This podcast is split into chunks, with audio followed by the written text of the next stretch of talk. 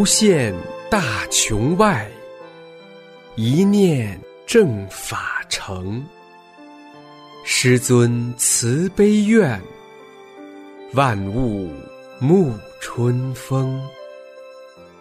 请听明慧专题《一师恩》。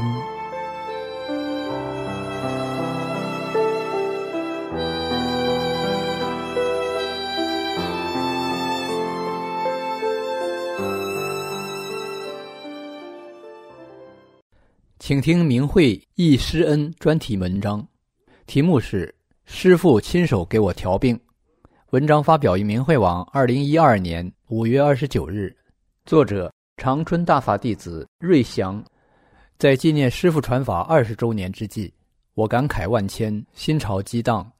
我有幸多次近距离接近师傅，聆听师傅的教诲，在师傅的慈悲呵护下，走过了不平凡的二十年。师尊的大法不仅让我的病体彻底更新，还从根本上拯救了我被中共毒化的心灵。我把我的经历写出来，和同修一起分享。修炼前，师傅亲手给我调病。一九九二年九月十七日清晨，我在吉林大学礼堂前的树林里看一个同事练功。同事说，科技楼前头有一位气功师在给吉林大学教职工调病呢。一听，我赶紧赶过去，那里已经有三四十人在排队了。我跟随着队伍前行，看到了师傅。师傅当时看上去像只有二十多岁的样子，身材高大魁梧，英俊和善，却不失庄严，有一股强大的能量吸引着我。轮到我时，师傅说：“只说出一种病。”心里马上猜想，是否前边的人比较贪心，说出的病比较多。后来知道。师傅只承诺给每个人去一种病，我就指了指自己头疼的部位，立刻就觉得好像有一根筋被抽出去了。师傅拍了我一下，说：“好了。”我转转脑袋，真的不疼了。我向身边一位王老师打听，于是我第一次知道了师傅的名字，知道了法轮功，和师傅的这次巧遇从此铭记在心。这样的机会实在太珍贵，太难得。竟然让我碰上了，我得和大法和师傅有多么大的缘分啊！于是我也成了大法修炼者，放弃了其他功法，与师傅合影。一九九三年六月二十五日早晨，我们在吉林大学科技楼练功点练功结束后，很多学员都急着回家做饭、吃饭，准备上班。我和另外一个同修负责保管宣传栏和法轮大法横幅，每次练功前挂起来。练完功就收起来。一位辅导员看我们俩收拾完了，忙叫我们说要和师傅合影，真是喜出望外。也不知道师傅是什么时候来的。没有离开的学员已经在练功场东侧回廊上排好了队。我站到了后排，在背后看着师傅高大的身材。师傅双手放在腹前，宁静的面东而立。合影后，三十多学员围着师傅握手问候。我心里别提多激动了，也很想和师傅握握手，可心里又怕耽误师傅的宝贵时间，于是就站在一边分享同修的幸福与喜悦。后来从辅导员那里得知，师傅很早就来到了练功点，但示意辅导员不要影响学员练功，只是默默的给学员纠正动作，慈悲赐福。绝大部分学员对此全然不知。我们这个练功点是师傅亲自选定。亲手清过场的，有功能的人可以看到师傅法身坐一圈，上空有大法轮罩着，大法身在上面看场，一片红。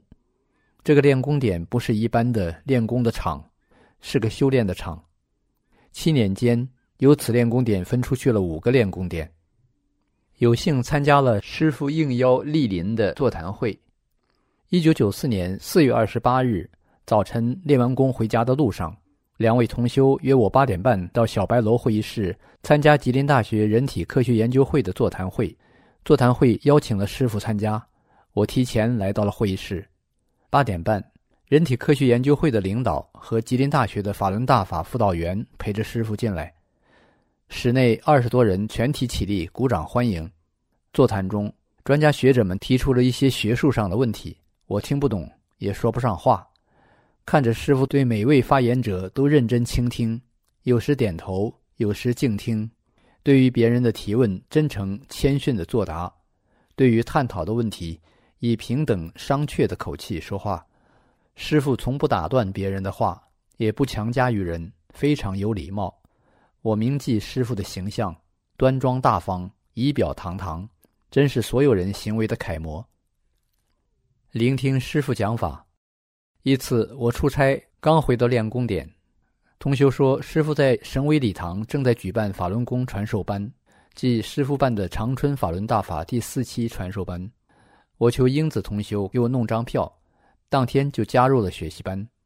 我是插班进来的，对法还不大理解，但是就觉得师傅态度亲切中肯、体贴温暖，有种强大的能量吸引着我。师傅讲法通俗易懂，声声入耳，句句入心，我全神贯注听讲。”很多东西闻所未闻，比如修炼、执着心、心性、向内找、悟性等等，头脑中一片空白，对其内涵和法理不太理解。因为还有出差任务，最后一堂课没有听，不得不离开了。虽然对于师傅讲的法不太明白，但是我发现师傅讲的是真的。出差的时候得到了验证。以前我坐车一个姿势不能保持十分钟以上。超过了就会因为颈椎骨质增生压迫神经，肩和肩胛骨麻木酸痛。这次坐车发现一点也不疼了，还精神十足。得法以前，我每天要吸一包香烟，这一路上已不能吸烟了，吸烟就引起剧烈咳嗽，吸不了。三十年的吸烟史就此结束了，不但不能吸烟，也不能喝酒了。我到天津参加同学聚会。喝酒的时候嘴里火烧火燎的，受不了，硬喝进去就吐出来，没办法，只好喝饮料。同学们问我：“以前你挺能喝的，今天怎么了？”我就告诉他们：“我参加了八天法轮功传授班，师傅在讲法的时候讲了祛病健身、戒烟戒酒的事。我以前也曾暗下决心戒烟酒，没想到学大法这么容易就做到了。同学们也都感到神奇。”第一次听师傅讲法，并没有什么想法，可是大法在我身上的神奇的验证，激起了我强烈的求法的愿望。时隔不久，我又参加了师傅办的两个班，静心聆听师傅的系统讲法，从中体悟到师傅的每一句话都是真的，都有很深的内涵。你修到不同层次，就会有不同的理解，特别是对师傅讲的做好人的法理，深受触动，使我梦醒。回首六十年的人生，党文化灌输了四十三年，让我成了铁杆的党徒，在各次运动中让邪党带动着作恶，曾经把同班同学打成右派，让人家失去了青梅竹马的恋人，毕业后被流放到了盐碱沙漠贫困之地受难至今，我却成了好党员，把自己的好处建立在了他人的痛苦之上，想起来良心难安。可不能再糊里糊涂的做人了。这四十三年间，我是无神论者，天不怕地不怕，无所畏惧，还忘乎所以。在家杀鸡剥鱼的事都是我干，在单位也杀过牛宰过猪，上动物解剖课的时候，青蛙、老鼠、兔子也都杀过不少。干了这些事还很自豪，觉得自己力气大，手也巧，被人视为能者强者。后来磨难也就降临了，腰痛难忍，躺下都不能动，睡不了觉，难受极了，就靠打杜冷丁才能勉强过活。我多次转院治疗，做过两次全身麻醉和一次局部麻醉的手术，在病床上待了三年，退休前一直病魔缠身。学了大法才知道，这是做了坏事得到的恶报。师傅说。因为人在以前做过坏事而产生的业力，才造成有病或者磨难，遭罪就是在还业债。转法轮，我这一生干了那么多坏事，能有好日子过吗？我的病情的变化，不就是师傅的法理在我身上的实证吗？要不做坏事，就得学好师傅的法。师傅说了，要想把业力等等这些不好的东西全部去掉，首先得把自己这颗心扭转过来。人有了好的心性，才是从根本上杜绝一切隐患。才能健健康康的做人。一个没有病的人，一定在心性上是一个严格要求自己的好人。要做一个好人，方方面面都要按照法的要求去做，才能做到。师父在一九九二年五月十三日，把宇宙大法传给我们，我们得了法的生命，从此改变了。我学了大法，不仅身体得到了彻底净化，精神也获得了重生。无论未来有什么事情发生，我都要遵照大法的要求去做。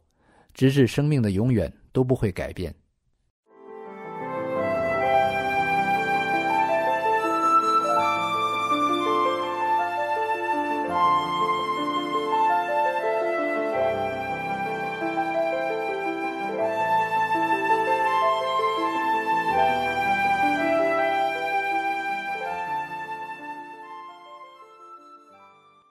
请听明慧易师恩专题文章。十八年前，我亲见传法场上殊胜景象。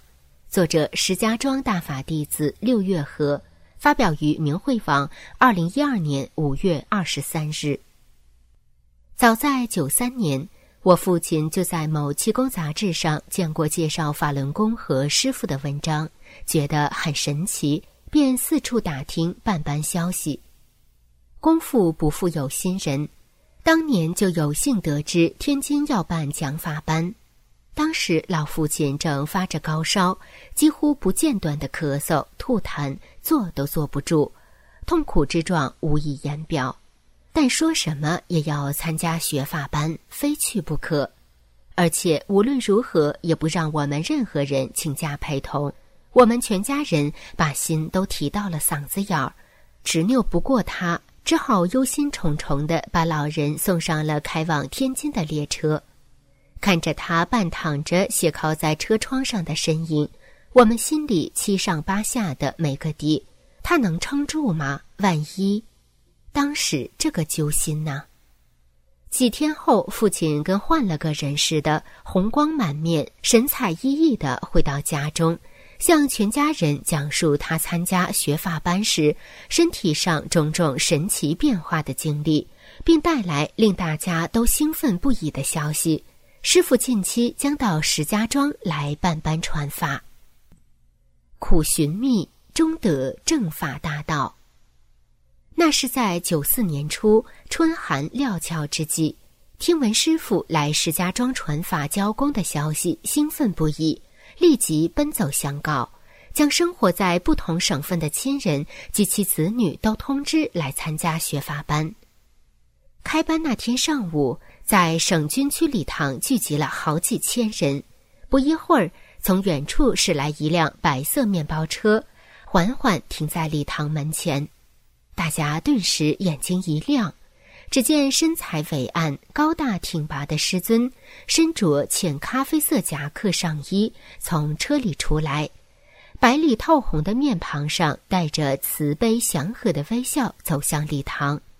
人们便潮水一般的跟在后面鱼贯而入。第一堂课，师傅便娓娓道来，将博大精深的法轮佛法介绍给所有到场的人们。我们都被深深的吸引和震撼。接下来，我参加了在棉二礼堂办的传法教功班，我感到心灵深处从未有过的惊奇和强烈的震撼。几千人的大礼堂里鸦雀无声，宁静而祥和，聆听着师傅阐述法理，见到了许多令人惊喜和神奇的景象。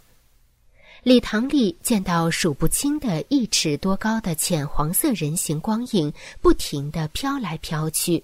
后来得知，那是师傅数不清的法身在给学员调整身体。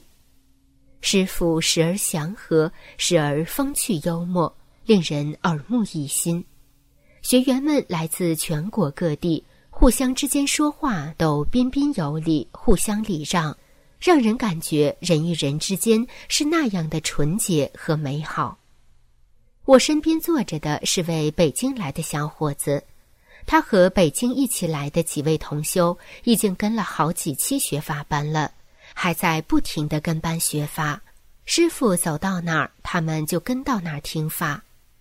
他发现我还没有法轮章时，便毫不犹豫地将自己佩戴的法轮章取下赠给我，又将他录制的讲法录音带借给我回家翻录，并教给我如何制作大法轮，将比例和尺寸交给我。我与他素昧平生，让我感受到修炼人那颗金子一般的心。与现实社会的自私自利、尔虞我诈形成了太鲜明、太强烈的对比，我不由得感慨万千。这个功法真好，真神奇，真伟大，能使现实社会人心向善。师傅坐在讲台上，我看到巨大无比的浅黄色光柱穿过大礼堂顶部，直通天外。师尊身后重重叠叠的厚厚光影构成的另外空间的奇特景象，隐隐约约好似成千上万装扮不同的各路神仙陪伴左右，这太令人震撼了。一起来的家人们也都激动不已。我们苦苦寻觅到如今，终于找到正法大道，找到了能真修正法的机缘啊！我的外甥女和侄儿也有幸参加了学法班，侄儿当时就开了天眼，他看到师尊身上爬满了手指高的小婴孩，在师尊身上不停的淘气，有的在师尊鼻子上打滑梯，有的拽着师尊头发打秋千，有钻耳朵、钻鼻子的，玩什么的都有。侄儿当时不到六岁，从未见过这种景象。于是吓得悄悄地哭起来。他父亲问他为什么哭，他就把他见到的景象说了出来。我们坐在他身边，都好奇地听着，然后都告诉他不要怕，是天眼开了，是好事。过了两天，孩子还是害怕，老想哭，师尊就把他的天眼关了，他再也没看到什么，也就不害怕，不再哭了。九天学法班结束了，所有的学员都强烈的感受到心灵的震撼，身心的神奇变化巨大无比。学法班结束后，学员们都争先恐后要求与师尊合影留念，于是专门安排了半天时间在体育馆广场上照相。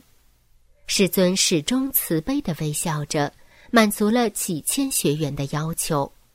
我当时想，师尊这么有耐心，这来回来去的被学员拉着照相，好几个小时得不到一分钟休息，换个人早就不耐烦了。可师尊如慈父对待自己的孩子一般，不吭一声，慈悲祥和的一直坚持到最后。师尊太慈悲了，不过也真让人心疼啊。大家期盼着师尊来年再来传法，但由于种种干扰，未能如愿。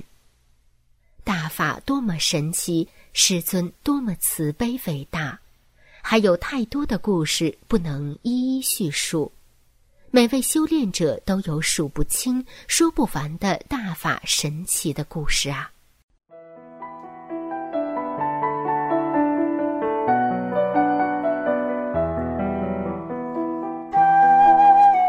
您现在收听的是明慧专题《易师恩》。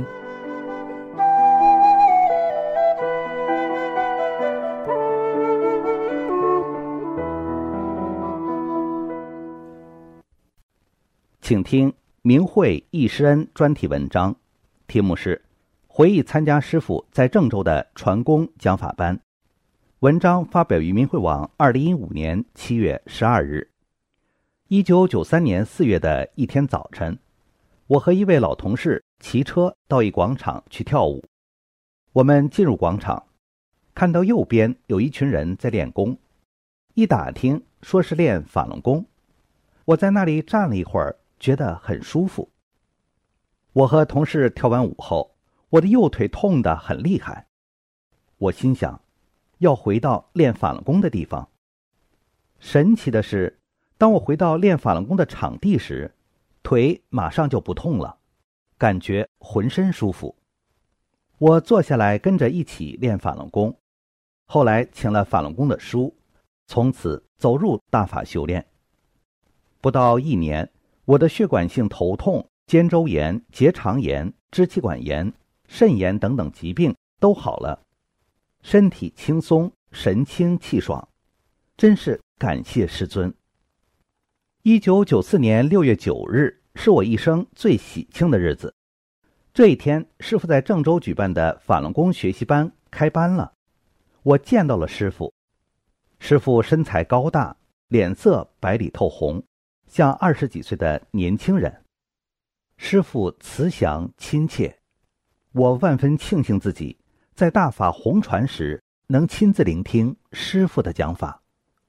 师傅在讲法班给每个学员清理身体，师傅要我们伸出一双手接法轮，手要放平，手心向上，体会体会有热麻凉的感觉。记得师傅在讲法班上告诉我们：“你们都是种子。”我牢牢记住师傅的话。二十一年来，不管是在弘法、护法做三件事上，都默默把自己当做一颗种子，扎根最下层，做好我该做的事。在这次郑州讲法班，我们都亲眼见证了师傅降魔的过程。学习班原定在体育馆举行。因为体育馆有比赛，临时改在附近的一个简陋的体育场举行。师傅讲第三讲的那天下午，我们进去的时候天气还非常晴朗。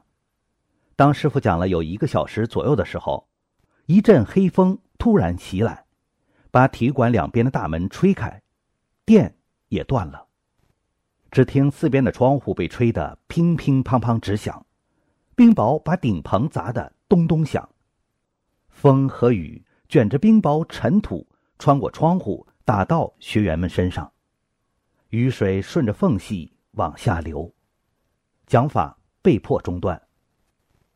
这时，只见师傅坐在讲法的桌子上打了一套大手印，然后又坐在讲法的位置上，抓起旁边的一瓶矿泉水，一口气喝完。其实，师傅平时讲法从不喝水的。接着，师傅像在接雨水似的，在空中一下一下的用瓶子在接什么东西，之后就把瓶盖盖上。大约过了四至五分钟，我记得非常清楚，就像大戏拉开大幕似的，阳光从西拉到东，体育场一下子就亮了起来，红彤彤的太阳把金灿灿的阳光通过洞开的大门。照进了体育场，场内的电灯也重新亮了起来。此时，体育场内掌声雷动。师傅笑了笑说：“别看他来头很大，其实我都不愿意用手去抓他，我用瓶子把它装起来。”之后，师傅接着讲法。回去的时候，学员们都说：“今天。”让我们看了一部神话故事。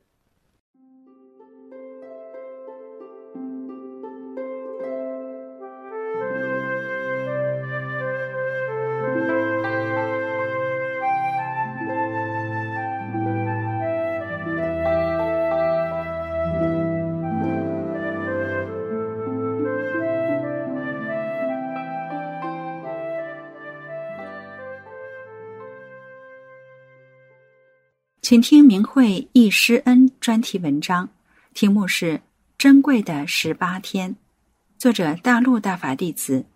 文章发表于明慧网，二零一一年六月八日。从记事起就感觉身体虚弱。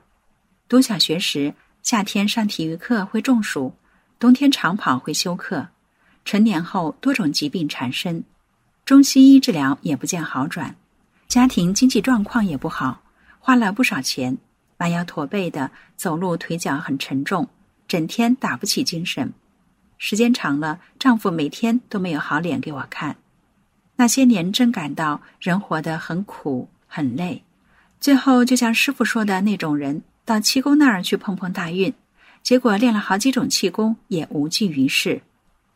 一九九三年九月的一天，同事给我介绍法轮功。说武汉要办法轮功传授班，问我参不参加。当时我正在学别的气功，就拒绝了。同事每天来找我，要我参加学习班，说这个功法如何如何好。他已参加法轮功武汉第三期学习班，最后拿了一本《中国法轮功修订本》。下班吃过晚饭，我不知不觉就恭恭敬敬地打着盘腿看书。看别的气功书从来不盘腿。当我打开书的目录，只看到一半时，生命的本源处突然有一种感觉，这就是我要找的。顿时眼泪涌出，盼望已久的，在别的气功门派中得不到答案东西，都在这本书里。一口气将这本书看完，一生中不解的困惑、病痛、对生活的苦恼，一下都烟消云散。周身轻松愉快。我终于参加了法轮功学习班，法轮大法武汉第四期学习班是在汉口区委礼堂举办，门口挂着一条横幅：“公修有路心为净，大法无边苦作舟。”选自红营法轮大法。当时还不知道这首词是师傅写的，只觉得很有意义。一九九三年十月三日，是我一生中最幸福的时刻。当我在礼堂座位上刚坐下，突然随着一股力量站立起来。只见师傅从讲台右后角向台前走来，学员们都站立起来，雷鸣般的掌声响彻云霄，持续了好几分钟。师傅再三做着手势表示谢意，请大家坐下。第一眼见到师傅，就有一种久违了的感觉。亲切和祥，慈悲的面容，高大魁梧的身材，让人肃然起敬，给人一种幸福感、可靠感。从今天起，我的命运将要转折，不再为烦恼、病痛而活着，我将是世界上最幸福的人。师傅讲课不用讲稿，只有一张很小的纸条放在桌上，师傅用最通俗、最浅白的现代语言阐述着高深大法。礼堂里除了师傅讲课，没有其他任何声音，学员们都静静的听着，笼罩在师傅慈悲祥和的强大能量场中。大法的法理感召着每个有缘人，荡涤着人的心灵，开阔着人们的胸怀。每堂课，我几乎是流着眼泪听师傅讲法，一生中的迷惑全都被师傅的大法解开。学习班上，师傅给我们净化身体。我感觉身体里往外直冒凉气，多年的疾病和在其他气功中留下的不好信息一扫而光。师傅把我们的病灶拿掉了，然后又给我们下法轮、开天目等等，为我们做了很多很多。我每天听课都很认真，很多现象在身体上都能体现出来。早上练功，身体每个关节都有法轮旋转，像小风扇似的。有天早晨练静功时。感觉自己从天幕往外冲，像骑在马上往外冲一样，快的使人有点受不了。和师傅讲的开天幕出现的现象一样。师傅不但给我们净化身体，给我们消业，还为我们转化业力，同时又让我们提高心性、长功。记得有两次在去学习班的路途中，当我下了公交车后，发现揣在衣服口袋里的钱少了。一看，只剩下回家乘公交车的路费钱了。当时就想到师傅讲的业力的转化过程和不失不得的法理，心里很坦然，只觉得师傅太慈悲了，为弟子能消业，要考虑不影响生活的情况下为弟子转化业力。业力转化了，心性也提高了，无病一身轻，腰背也挺直了，走路腿脚也有劲儿了。单位的同事问我。在你后面走路都认不出是你了，什么灵丹妙药使你身体变化这么大？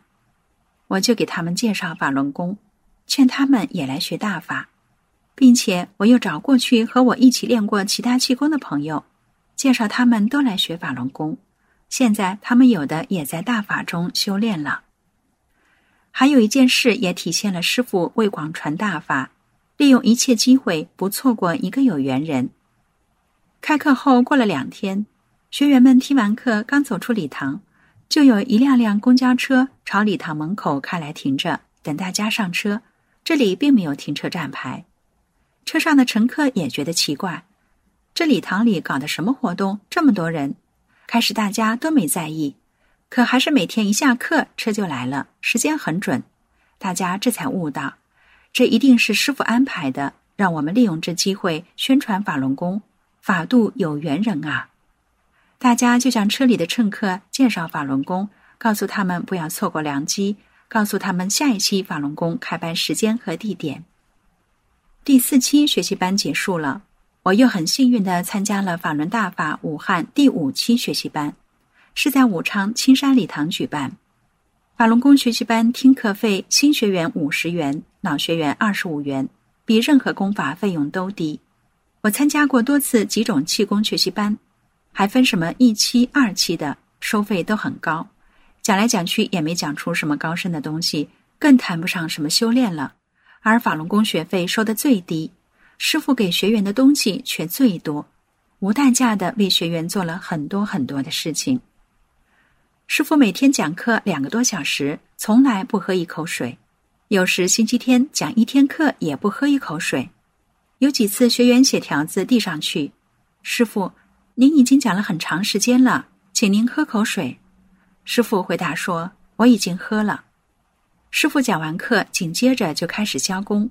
有一个学员在讲台上做示范动作，师傅站在边上耐心的讲动作规范要领，讲得很仔细，有时也亲自做给我们看，甚至有时下讲台来围着礼堂转一圈，给学员纠正动作。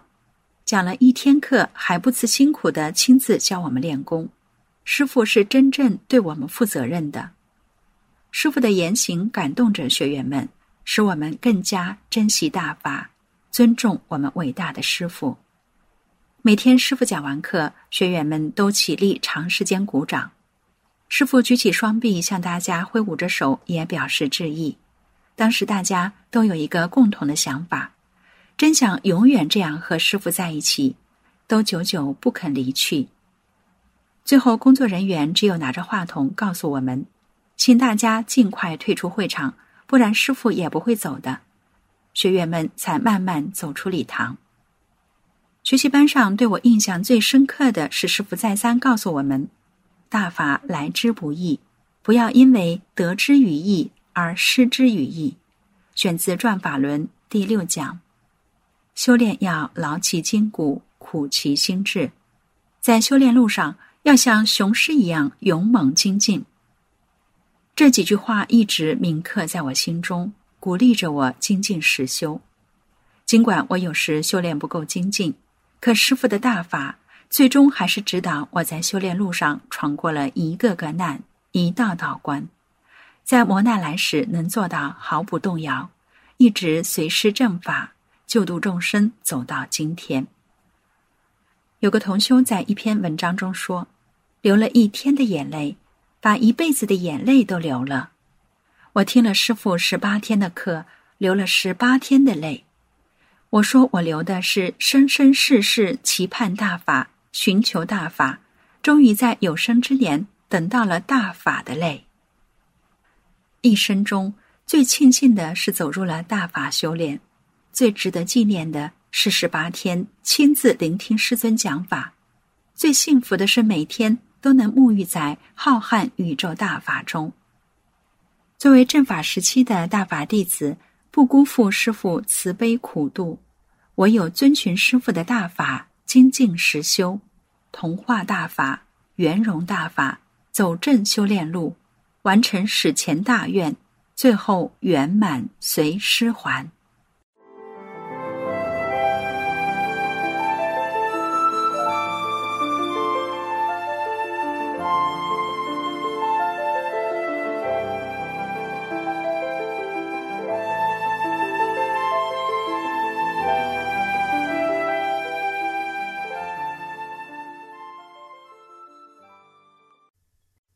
请听明慧易师恩专题文章，题目是《可喜的日子里》，作者北京大法弟子。文章发表于明慧网，二零一三年二月二十六号。一九九二年三月，多年患病的丈夫离世了，留下我和正在上学的三个孩子，和十三平米的小屋，生活非常清苦。我成天愁眉苦脸，打不起精神。在痛苦交加无望时，九三年寒假的一天，同事找我到另一个同事家散散心。同事的丈夫向我介绍法轮功如何好，祛病健身如何神奇，并说师傅正在北京办班，我特想参加。转过年，我有幸参加了师傅在云岗办的学习班。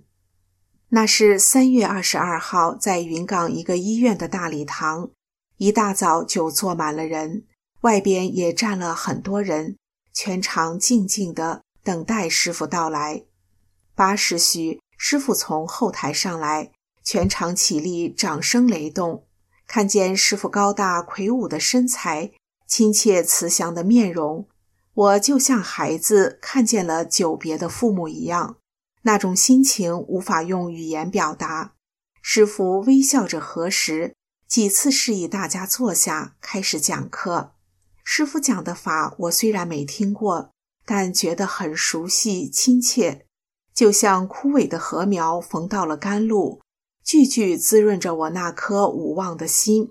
至今想起，仍然像沐浴在当时那种亲切祥和的氛围中。师傅每次讲完课就交工，给学员纠正动作。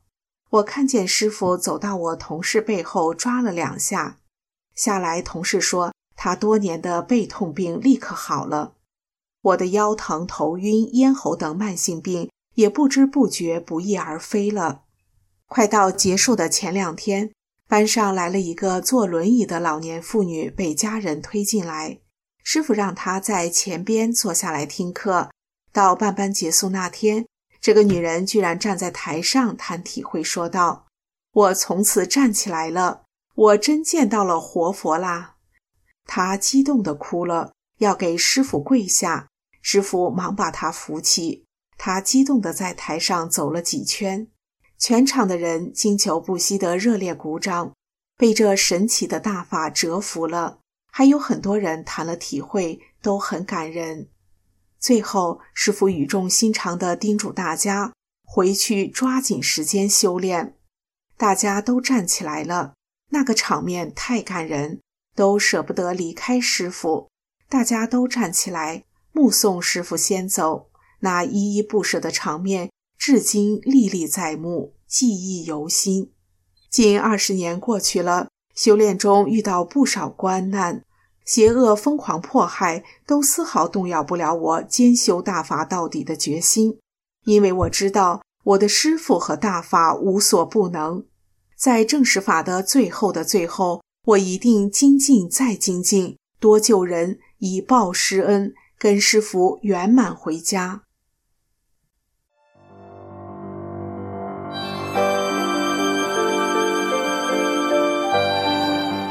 这一期的易师恩就到这里，谢谢收听。